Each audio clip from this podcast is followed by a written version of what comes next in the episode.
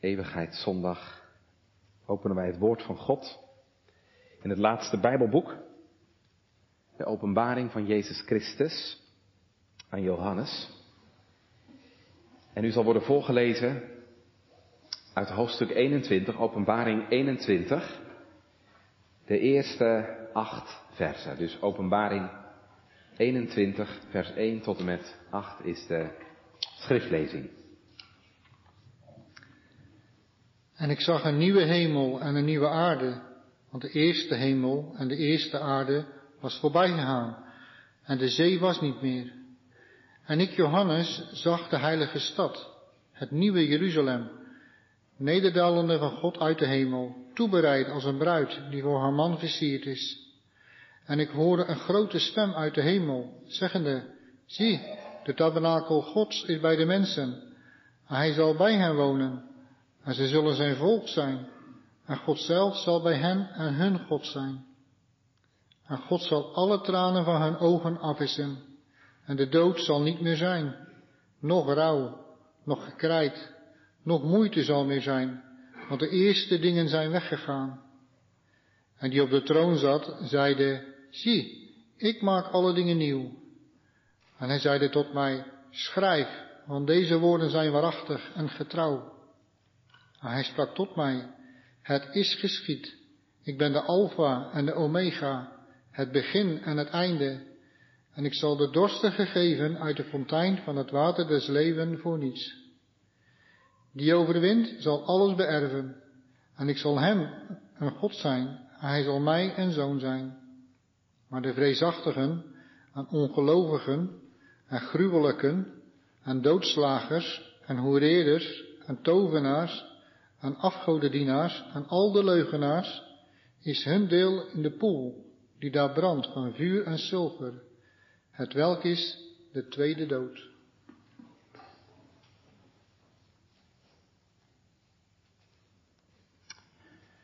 Gemeente, zoals gezegd, is vandaag de laatste zondag van het kerkelijk jaar. Volgende week beleven we wel zijn.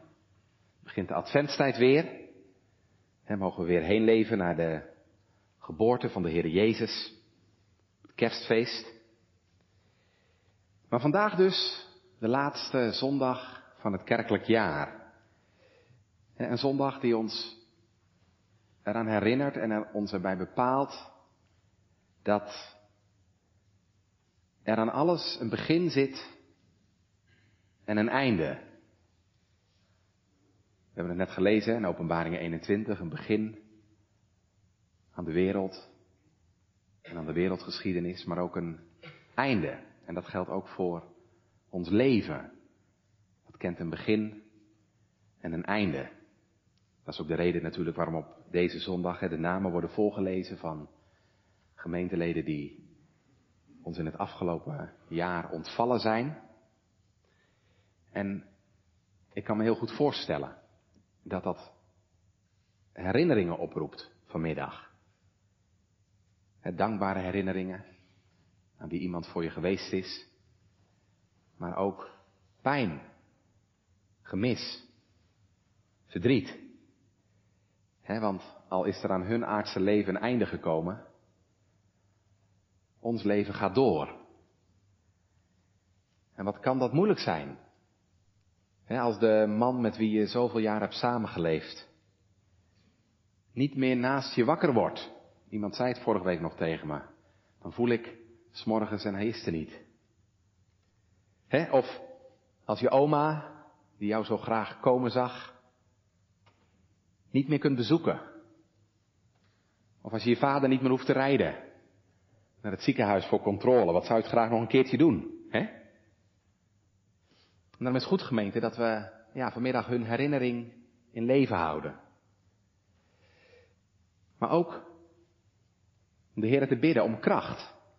Om verder te kunnen. En vanmiddag ook, wat mogen we ook doen, te luisteren naar zijn woord. En zijn woord dat laat zien waar het werkelijk om gaat in ons leven. En ook waar het naartoe gaat.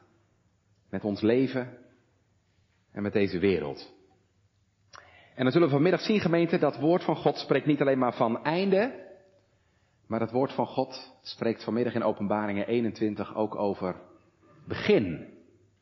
Een nieuw begin. God zegt aan de ene kant, het is geschied, maar hij zegt ook, zie, ik maak alle dingen nieuw. En ik hoop van harte gemeente dat u en jij en ik ons door dat woord laten leiden. En want dan zal dat woord je de weg wijzen door het leven. Maar dan zal het je ook de weg wijzen naar een toekomst waar geen rouw of verdriet meer zal zijn. Omdat God zegt, ik maak alle dingen nieuw. De tekstgemeente voor de verkondiging is Openbaring 21, vers 1 tot en met 8. Gemeente, ik begin vanmiddag met een liedje. Dat doe ik niet zo vaak. Maar ik doe dat vanmiddag even bij wijze van contrast. Het is een liedje van de mens. De mens van nu. Het is van Doe maar. En het heet Het leven gaat door. Het gaat als volgt. Ik heb het nooit geweten waar het eigenlijk om gaat. Ik blijf gewoon maar meedoen. Net als wij allemaal. Ik word er moedeloos van. Als ik ons zie gaan. Ons leven doen en doodgaan. En is het dan gedaan? Maar nee, het heeft geen zin. Nee, het heeft geen zin. Het heeft geen zin om steeds weer stil te staan. Want het leven gaat door. Ja, het leven gaat door. Niets verandert echt. Want het leven gaat door. Kinderen zag ik komen. En anderen zag ik gaan. Maar niets verandert echt. Er verandert niks. Er verandert, er verandert, er verandert niks.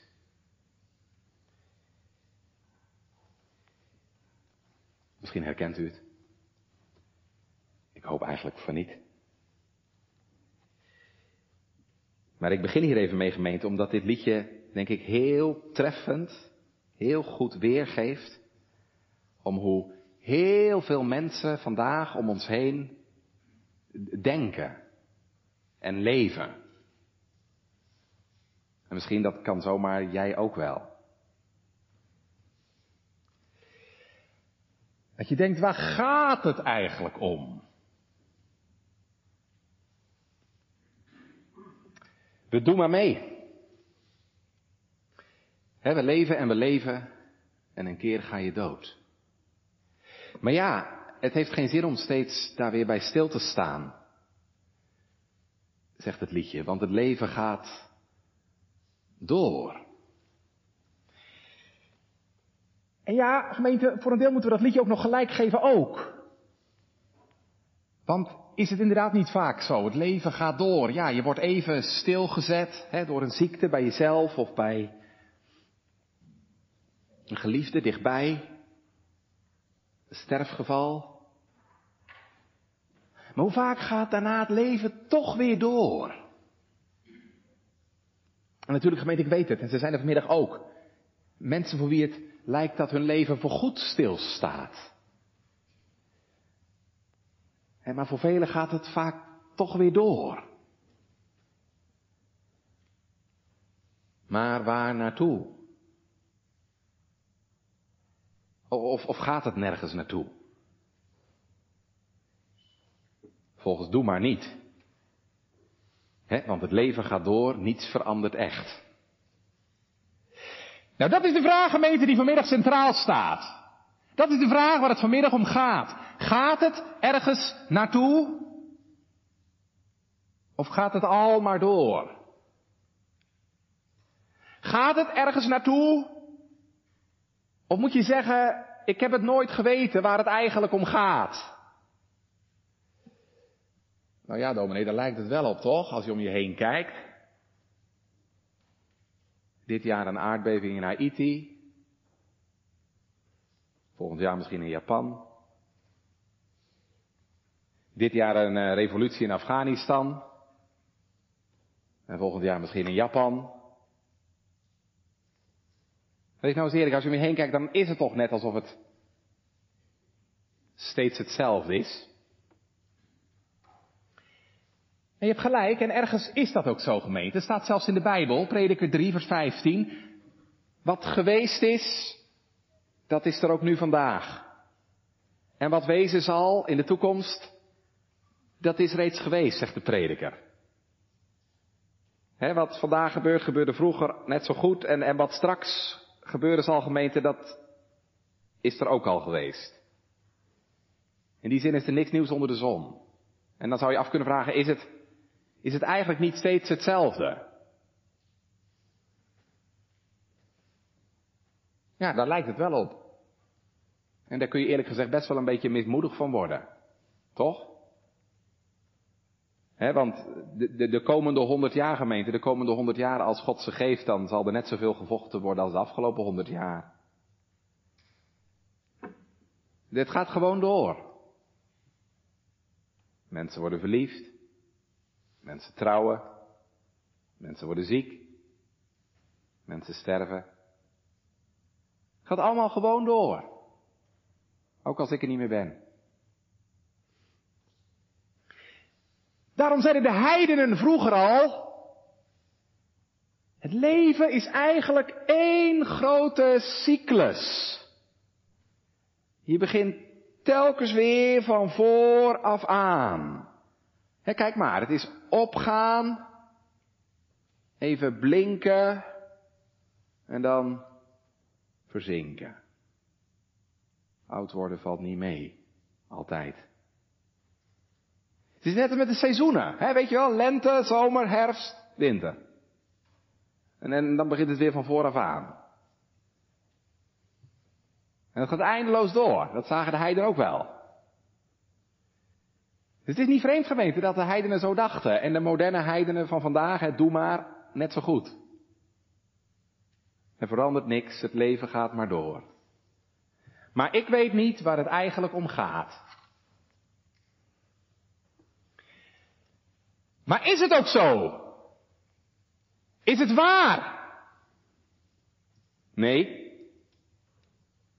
Hoe weet ik dat? Omdat God het zegt. Hier, in zijn woord. Ja, gemeente, dwars tegen wat bijna iedereen denkt vandaag, klinkt er in de Bijbel een stem.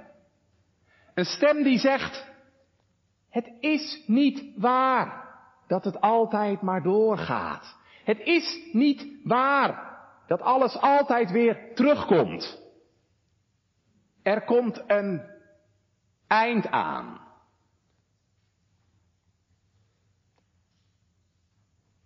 En een nieuw begin. Had u niet gedacht, hè? Nee, daar zouden wij ook niet opgekomen zijn.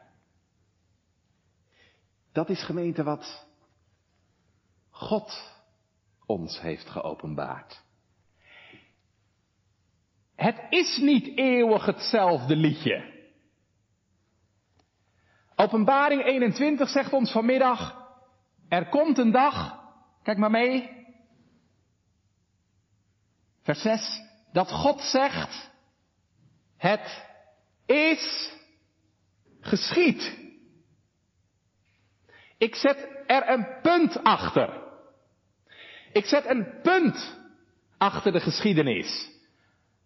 Achter die geschiedenis van bloed en tranen en leed en lijden. En ik maak een nieuw begin. Dat lezen we ook. Vers 5. En die op de troon zat, zei, Zie, ik maak alle dingen nieuw. Dat komt, gemeente. En het is goed dat we deze laatste zondag van het kerkelijk jaar daarbij stilstaan. Want gemeente, dit is fundamenteel voor hoe je leeft. En voor hoe jij in het leven staat. want gaan we ergens naartoe?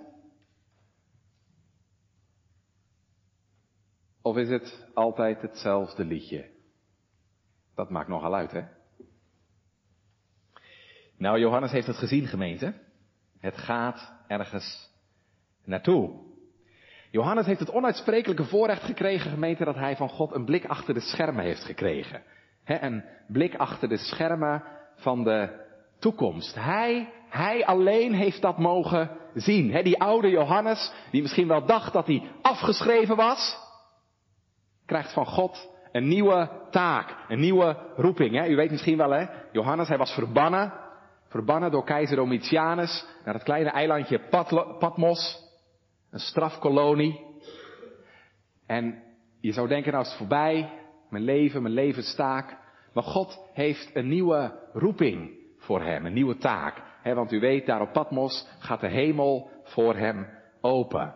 En daar heeft Johannes van God visioenen gehad van de toekomst. En wat hij daar gezien en gehoord heeft, onuitsprekelijke dingen, dat heeft Hij voor ons opgeschreven. Opgeschreven voor jou en mij en u om aan ons te vertellen de dingen die God gaat doen.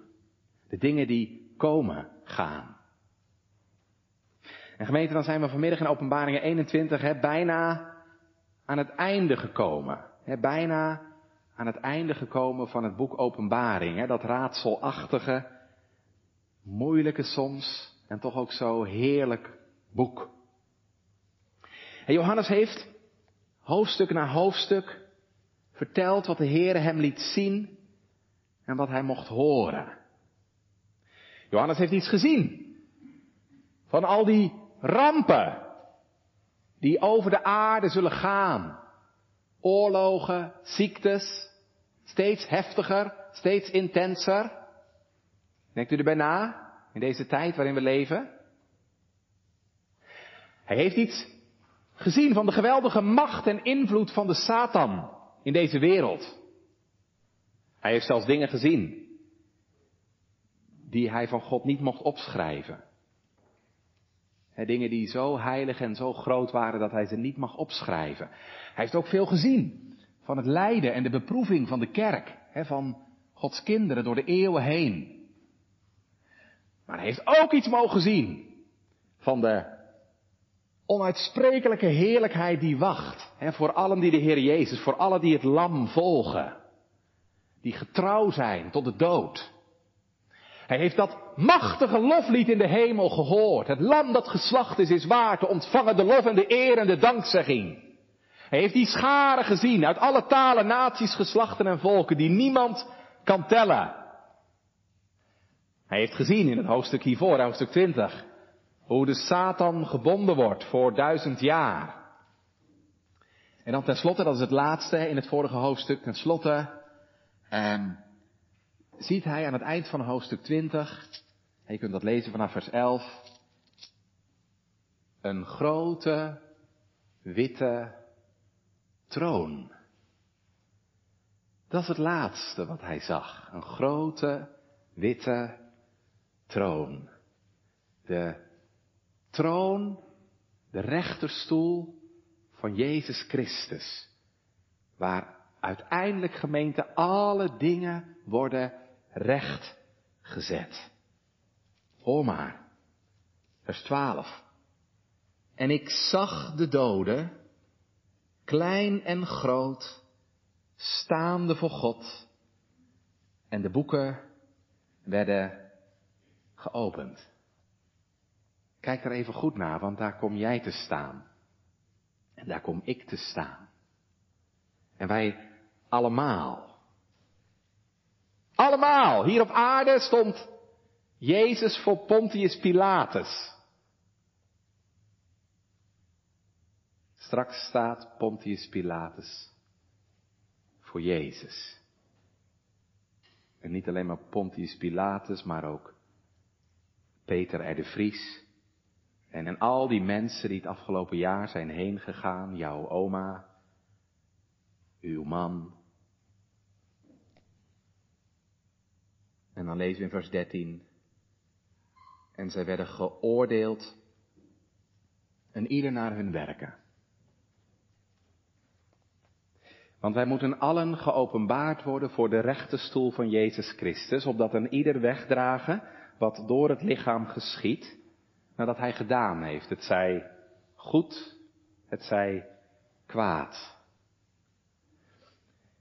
En dan gemeente, na dat laatste oordeel is het voorbij. Nou ja, voorbij, kan beter zeggen, dan begint het. Dan begint het. Dan begint de eeuwige dood of het eeuwige leven. En vooral dat laatste, dat eeuwige leven, daar schrijft Johannes over in ons hoofdstuk, hoofdstuk 21, in, in allerlei toonaarden en geuren en kleuren, zodat je er een beeld van krijgt, een beeld bij krijgt, wat straks gebeuren gaat en wat er komt. Luister maar, wat hij ziet en ons vertelt. En ik zag, vers 1, een nieuwe hemel en een nieuwe aarde, want de eerste aarde en de eerste hemel was voorbij gegaan. Dus God maakt een nieuw begin. Dat moet ook, want er staat hier, de eerste hemel en de eerste aarde was voorbij gegaan.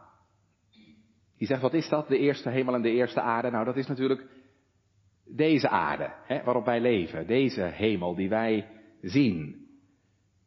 Maar, maar die is er straks dus niet meer. Je zegt, hoezo dan? Heeft, heeft de aarde iets verkeerds gedaan? Nee, de aarde niet, maar wij wel. Wij hebben deze aarde, gemeente, deze eerste aarde, zo vernacheld, zo verknoeid en zo kapot gemaakt, dat God zegt, daar kan ik niet meer mee verder.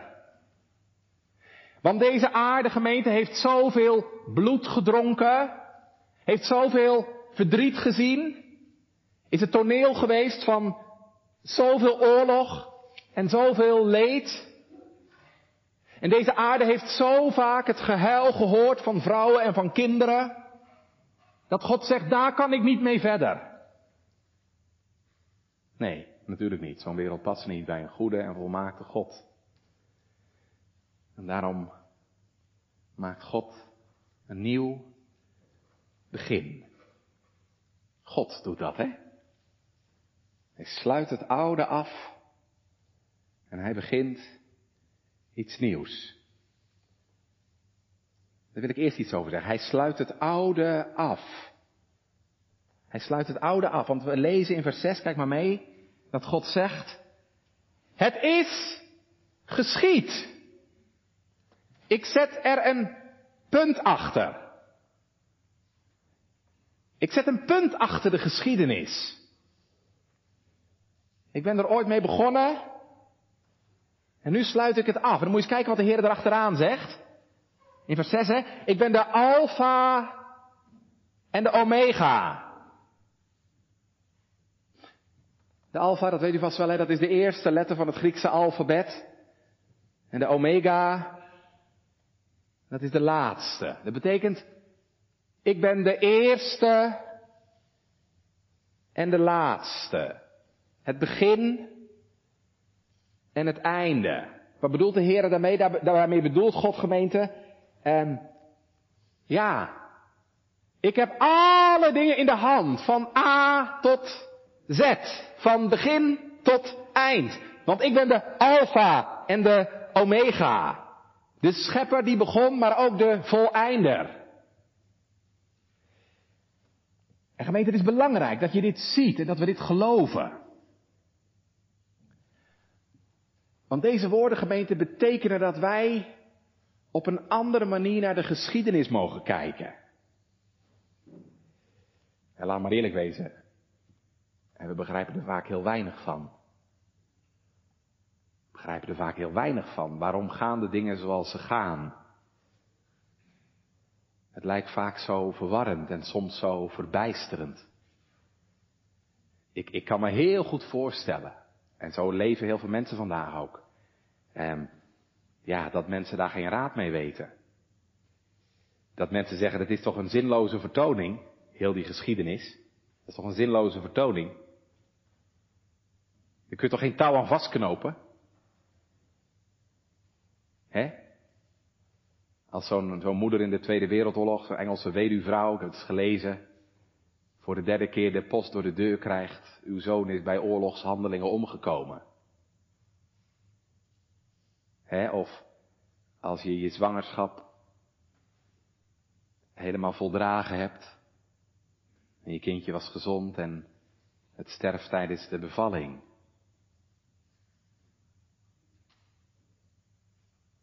Moet je daar nou mee? Daar heb ik geen antwoord op. Laten we dat ook maar niet proberen. En toch mogen we weten dat niet de chaos regeert, niet het lot. Iemand zei het vorige week nog tegen me, ja, de dokter zei, dat is uw lot, mevrouw, dat is uw lot. Ja, toeval, stom toeval, hè? Toch? Dat niet het lot regeert, maar God. Dat mogen we weten. En dat is geen weten gemeente dat ik uit kan leggen of zo. Dat is een, echt een geloofsweten. Ik bedoel, dat gaat echt niet zonder geloof. He, want het is natuurlijk makkelijk gezegd, God regeert. Het is ook makkelijk gezegd, God regeert, maar het moet maar eens dichtbij komen, hè? Als kanker jouw huis binnenkomt. Als de dood jouw kind wegneemt. Om dan te zeggen, de Heere regeert. Nou, daar hebt u wel geloof voor nodig. En toch is het zo, gemeente. Ik ben de Alpha en de Omega. En, en, dat, en dat wisten ze nou, gemeente, in Israël. Dat, dat wist nou het volk van de Bijbel. Daar, daar wisten ze iets wat al die heidenen om hen heen, de Filistijnen, de Romeinen, de Assyriërs, wat al die heidenen om hen heen niet wisten. En die heidenen dachten, u weet dat, dat heb ik net gezegd, hè, het is opgaan, even blinken en dan ga je weer verzinken. Zo heb ik het vroeger al geleerd bij geschiedenis. Het heidense denken, zijn mijn geschiedenisleraren, het heidense denken dat is een cirkel. Cirkel. Een cyclus. Altijd weer hetzelfde. En je begint weer van vooraf aan. Maar het bijbelse denken, legde die uit, is een lijn. Zie je Een lijn die begint bij de schepping en het gaat naar de voleinding. En dat betekent dus gemeente, deze wereld, deze wereld die soms zo gruwelijk is, gaat niet eeuwig door. Dat mag je geloven, omdat de Heere zegt, ik ben de Alpha en de Omega. Het gaat ergens naartoe, het heeft een eindpunt, een doel.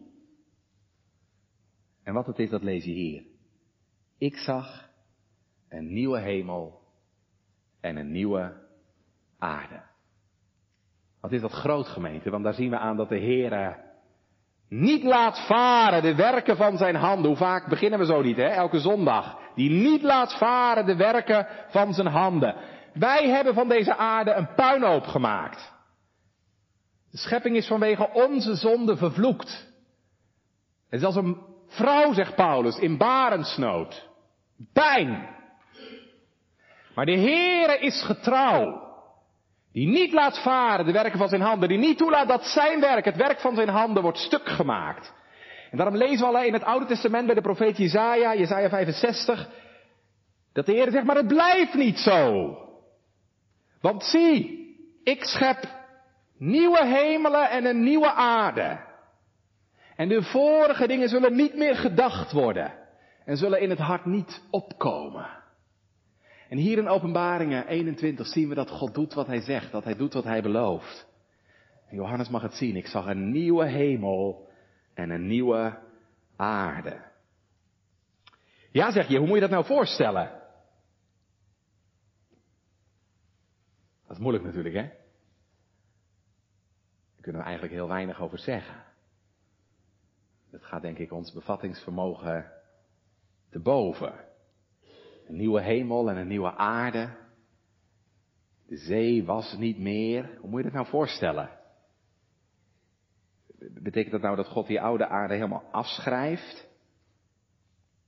En dat hij dan vervolgens een nieuwe aarde schept? Zou kunnen. er zijn theologen die dat denken.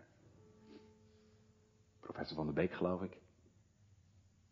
Dat zou voor de Heer ook zeker niet te wonderlijk zijn. God helemaal opnieuw schept. Het voor de Heer iets te wonderlijk zijn? Nee, natuurlijk niet. Toch gemeente, in de gereformeerde theologie is de gedachte toch meer, ja, die nieuwe hemel en die nieuwe aarde zijn dezelfde aarde en dezelfde hemel als waar we nu zijn. Alleen het is een schepping die door God helemaal vernieuwd wordt. Een schepping die helemaal gereinigd wordt. Een schepping waar de Heer, zeg maar, grote schoonmaak heeft gehouden. Al dat oude en zondige en bevlekte, dat gaat de Heer wegdoen. De aarde zal gelouterd en gereinigd worden als door vuur. Het is dus een herschepping. En hoe het allemaal precies zal zijn, ja, dat zouden we wel graag willen weten, gemeente, maar dat is natuurlijk niet het belangrijkste. maar ik denk wel dat je mag zeggen, er zal continuïteit zijn en discontinuïteit. He, continuïteit. Want er zullen bomen zijn, en dieren, en mensen. Alleen de verhoudingen zullen wel totaal anders zijn. He, lees Jezaja 11 maar. De, de wolf zal met het lam verkeren. De koe en de berin zullen samen weiden. Nou, dat zie ik nou nog niet echt voor me. Maar straks wel.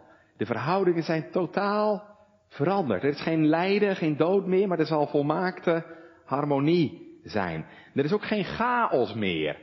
Ik wijs u er nog even op, hè. er staat even de ene hadden dat net al aan. En de zee was niet meer. Kun je natuurlijk heel letterlijk opvatten, hè. Dat er straks geen zee en oceanen meer uh, zijn. Ik denk niet dat dat per se hier direct bedoeld wordt. Ik heb u al vaker uitgelegd, de zee is in de Bijbel ook vaak een symbool. Een symbool van, van chaos en geweld. Dat weten de vissers wel vanmiddag. Hè? Het gaat stormen. Dan, dan ben je soms nergens meer. Niemand heeft die zee in de hand. En dan dachten ze in het oude Midden-Oosten ook nog eens dat er in die zee allemaal grote monsters zaten. Dus de zee, dat is een symbool van chaos. Nou, Johannes ziet, dat is er niet meer. Er is geen chaos meer, maar harmonie. En toch gemeente is dat niet het grootste, dat is niet het grootste. Hoe mooi het ook is. Er is nog iets veel groters waar ik op wil wijzen. En dat is wat Johannes ziet in vers 2. Lees even mee. Hij ziet iets wat helemaal niet kan eigenlijk. En ik, Johannes, zag de heilige stad, het nieuwe Jeruzalem, neerdalend van God uit de hemel, toebereid als een bruid die voor haar man versierd is. Zie je wat er gebeurt? Een stad die naar beneden komt. Het nieuw Jeruzalem, dat is de woonplaats van God. De hemel komt naar beneden. Letterlijk. De hemel komt op aarde. Gemeente? Dat kon eerst niet, hè? Nee, dat kon eerst niet. Hier op aarde, hè, die eerste wereld, is er altijd scheiding. Altijd scheiding tussen hemel en aarde. Tussen God in de hemel en wij zondaren hier beneden. Je weet hoe dat komt, dat komt door de zonde hebben zelf die scheiding veroorzaakt. In het paradijs was dat er niet, want hè, toen kenden we God aan de, aan de stem van de wind. Zo dichtbij was de Heer. Maar nu is er afstand gekomen tussen God en ons. Maar dat is dus straks voorbij. En, en daarom kan de hemel naar beneden komen. En dan hoort Johannes een stem. Een grote stem uit de hemel die zegt, zie, De tabernakel, de tent van God is bij de mensen. En hij zal bij hen wonen. En zij zullen zijn volk zijn. En God zelf zal bij hen en hun God zijn. Zie je wat hier niet mogelijk was, is straks wel mogelijk. De scheiding is opgeheven. Zo dichtbij gemeente is de Heer nog nooit geweest. God zelf is bij de mensen.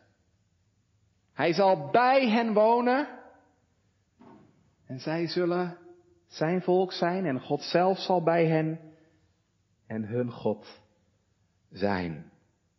Wat betekent dat? Dat betekent gemeente dat straks het contact,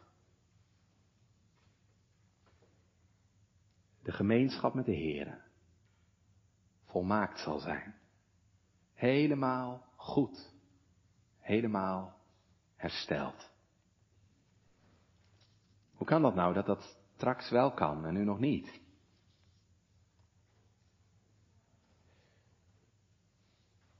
Omdat het lam op de troon zit. Omdat Jezus daar is. Hè? Je snapt, dat kan natuurlijk alleen maar door de Heer Jezus. Zijn naam. Daarmee is hij al naar de wereld gekomen met kerst. Zijn naam is Immanuel. God met ons. En dat is hier al begonnen.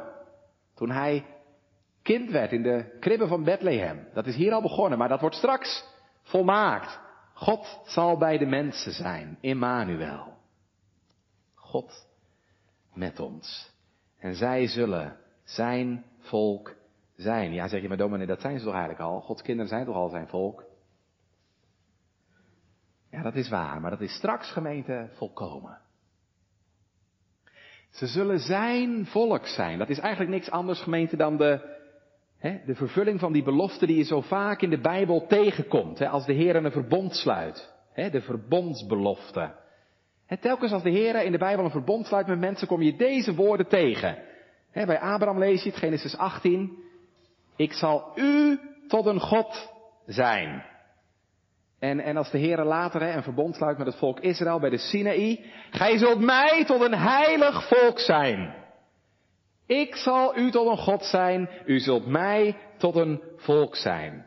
Dus straks gemeente zal er eeuwige gemeenschap zijn tussen God en mens. Een gemeenschap hè, die niet meer bedreigd wordt door onze ontrouw, door onze zonde, door ons falen, door onze tekortkomingen. Want dat kan dan niet meer. Daar kun je niet meer zondigen. Daar hoef je niet meer bang te zijn dat je struikelt en in de zonde valt. Daar hoef je geen berouw meer over je zonde te hebben. Daar zijn geen dagen meer van duisternis en twijfel. Daar is niet meer die onzekerheid die aan je kan knagen. Zijn mijn zonden wel echt vergeven? Ben ik een kind van God? Dan heb je nooit meer het gevoel wat je hier soms kunt hebben en soms zo vaak dat je helemaal niet bidden kunt. Er is geen duivel meer om je te bestrijden. Er zijn geen aanvechtingen meer. Er is ongestoorde gemeenschap met God. Dat is de eerste zegen in het Nieuw Jeruzalem. En de tweede gemeente, die lees je in vers 4. Daar zal God zijn kinderen troosten. En God zal alle tranen van hun ogen afwissen. En de dood zal niet meer zijn, nog rouw, nog gekrijt, nog moeite zal meer zijn, want de eerste dingen zijn voorbij gegaan. God zal alle tranen van hun ogen afwissen. Dat is heel teer, hè?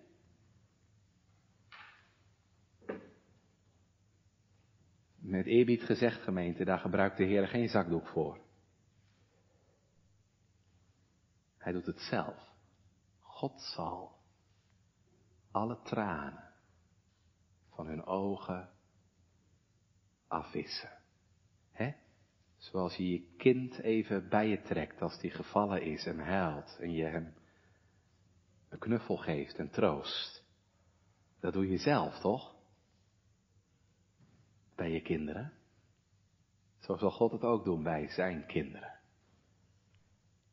Alle tranen. Want tranen, gemeente, horen wel bij het leven hier, maar niet bij het leven daar. Tranen zijn het symbool van onvolmaaktheid. Waarom heb je tranen?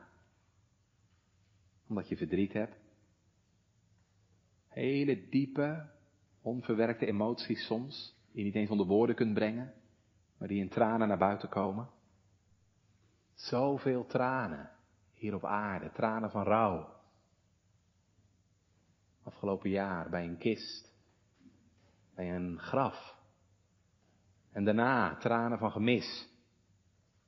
Of tranen van eenzaamheid, of tranen om wensen en verlangens die stuk liepen. Tranen om vervolging. Hè? Johannes schrijft dit aan christenen die vervolgd werden. Maar God zal alle tranen van de ogen afwissen. En dan vooral denk ik gemeente, de tranen om mijn zonde. De tranen over het verderf van mijn hart. En de pijn dat ik mijn God nog zo vaak verdriet doe. Misschien zijn dat wel de moeilijkste tranen. Maar ook die zal de Heere afwissen. God zal alle tranen van hun ogen afwissen. En de dood zal niet meer zijn. De dood, die machtige vijand, die zoveel stuk maakt, ook het afgelopen jaar. De dood waar geen mens tegen bestand is, die is daar niet meer, gemeente.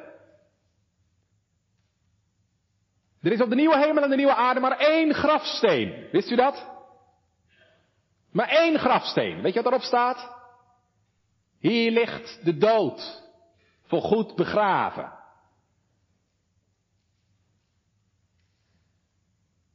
Nog rouw. Nog gekraaid. Ik, ik denk dat de Heer ervoor gaat zorgen, gemeente, dat zelfs de kwalijke herinneringen uit je leven weggaan. Denkt u niet?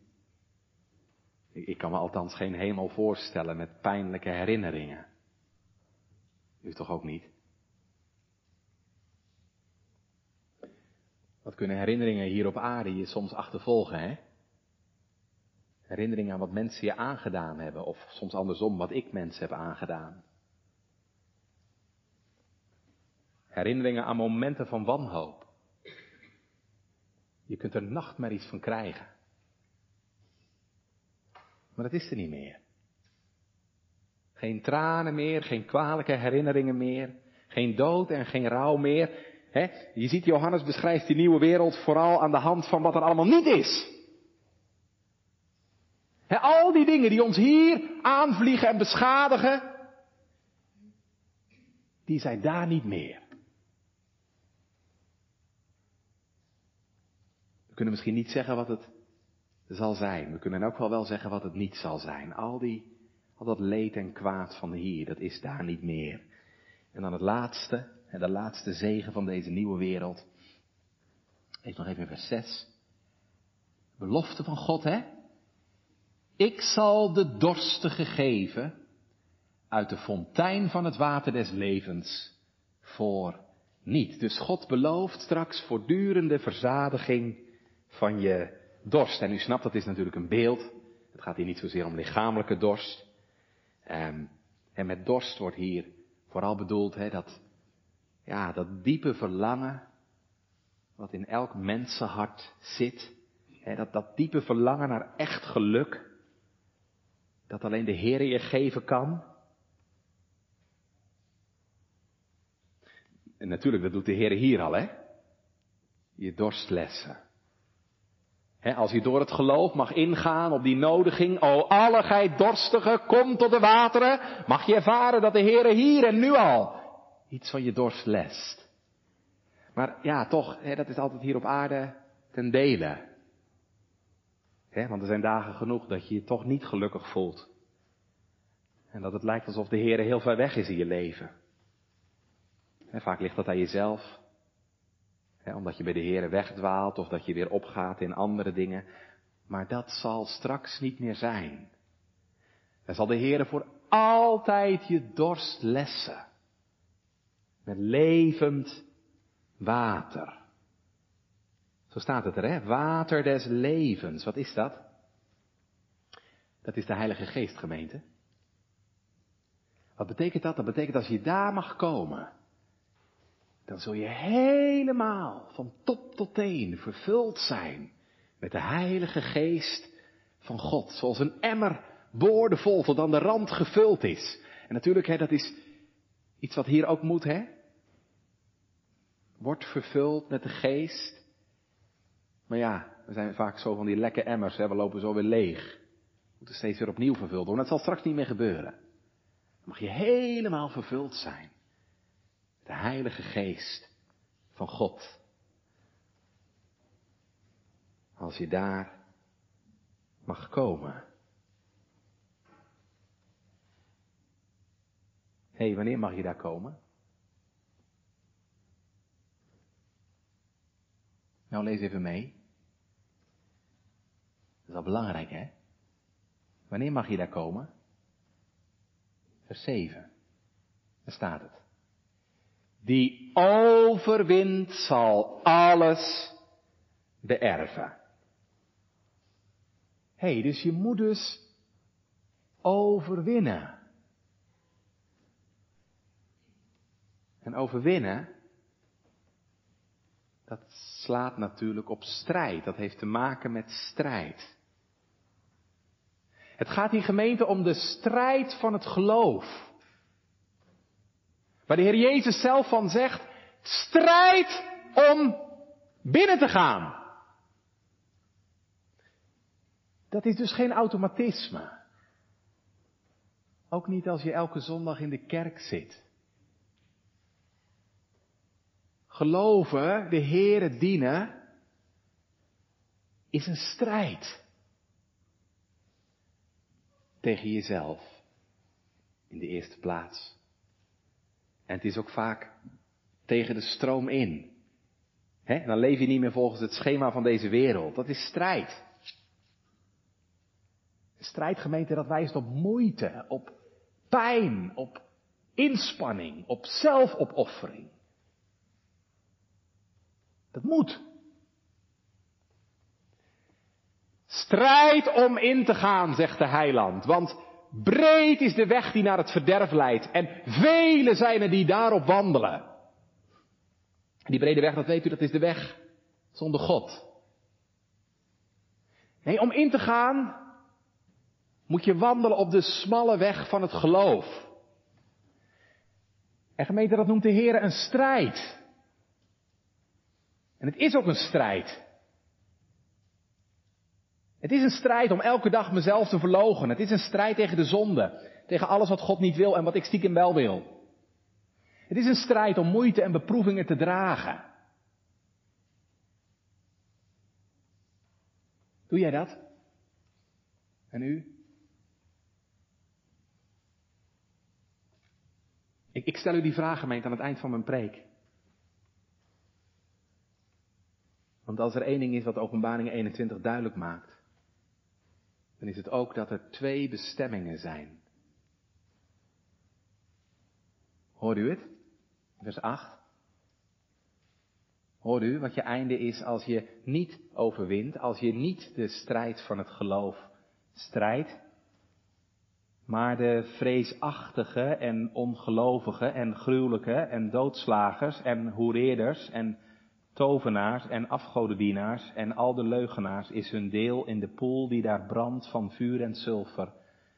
Het welk is de tweede dood. Wie zijn dat, die vreesachtigen? Nou ja, dat zijn de mensen die afhaken, hè? Als het erop aankomt. Als het gaat spannen. Misschien al wel door corona. Ongelovigen. Mensen die God ontkennen.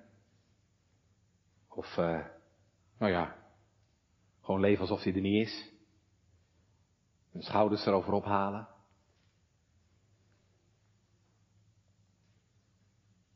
gruwelijke. De mensensmokkelaars. kinderpornohandelaars,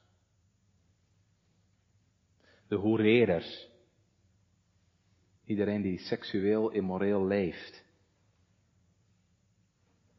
de miljoenen die zich elke dag laven aan porno. En zich daar niet van bekeren. De tovenaars, mensen die zich bezighouden met occulte zaken, afgodendienaars. En denk dan niet alleen maar aan mensen die voor een beeld buigen, maar dat is iedereen gemeente die zijn hart niet op God zet, maar op iets anders. De, de leugenaars die de waarheid geweld aandoen, hè, in de omgang met mensen en, en ook op hun uh, belastingpapieren. Weet je wat de Heer zegt? Voor hen gaat de deur dicht. Voor hen gaat de deur naar mijn koninkrijk, de deur naar het leven dicht. Dan sta je buiten. Um, maar buiten zullen staan. Zo staat het ook in het andere hoofdstuk, hè? Maar buiten zullen staan. Weet hoe we dat noemen. Het is de hel. Wat is dat? Ik moet denken aan wat de Russische schrijver Dostoevsky eens gezegd heeft. De hel is de plaats waar God niet meer naar mensen omkijkt. Dat is hier nooit. Zelfs de grootste schurk, de grootste boef, de grootste crimineel, daar kijkt God nog naar om. Want God geeft aan zijn grootste vijanden nog eten en drinken en zonlicht en, en kleren en, en zoveel goeds. Maar de hel is de plaats waar God niet meer naar mensen omkijkt. En al, al roep je dan nog zo hard, al, al schreeuw je de longen uit je lijf, hij hoort je niet meer. Er staat ergens in de Bijbel, spreuken 1. Toen ik riep, antwoorden jullie niet. Jullie roepen, antwoord ik niet meer. Zul jij er alles aan doen. En u en wij allemaal om daar niet te komen. Nu roept God ons. Kom tot mij. Kom tot mij. Met je zonde, met je schuld, met je failliete leven, met je lasten, met je angst, met je pijn. En ik zal u aannemen. En ik zal u rust geven. Want die naar mij hoort zal veilig wonen. Want bij mij is vergeving en barmhartigheid en genade en ontferming. Maar lieve gemeente en iedereen die mij hoort. Als je God laat voor wat hij is. Hè? Je laat hem maar doen en je laat hem maar roepen en je laat hem maar waarschuwen en je laat hem maar nodigen. Komt er een dag dat God tegen jou zal zeggen, ik heb geroepen, maar u hebt niet geantwoord. Nu u roept, antwoord ik niet meer. Lieve gemeente, zo wil ik niet eindigen natuurlijk. Want ik mag u zeggen vanmiddag, God roept u nog. Wil u het bewijs? Kijk nog even naar het volgende hoofdstuk, hoe Johannes eindigt, openbaringen 22, vers 17.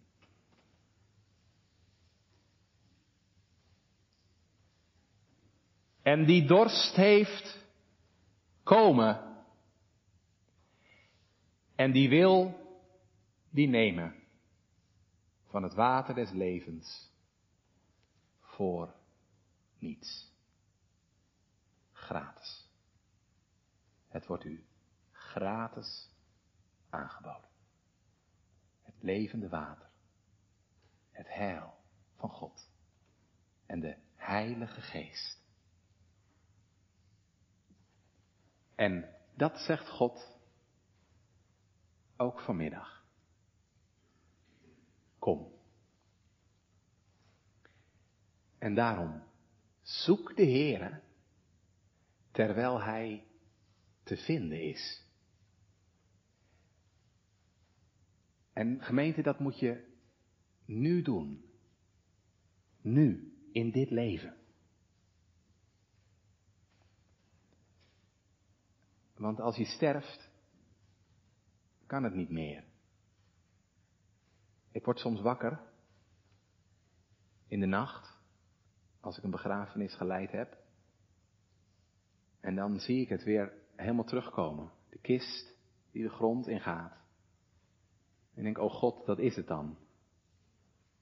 Dat is het dan. Dan is het echt voorbij, heren. En dan is uw lot beslist. Dat is eeuwig wel of eeuwig wee.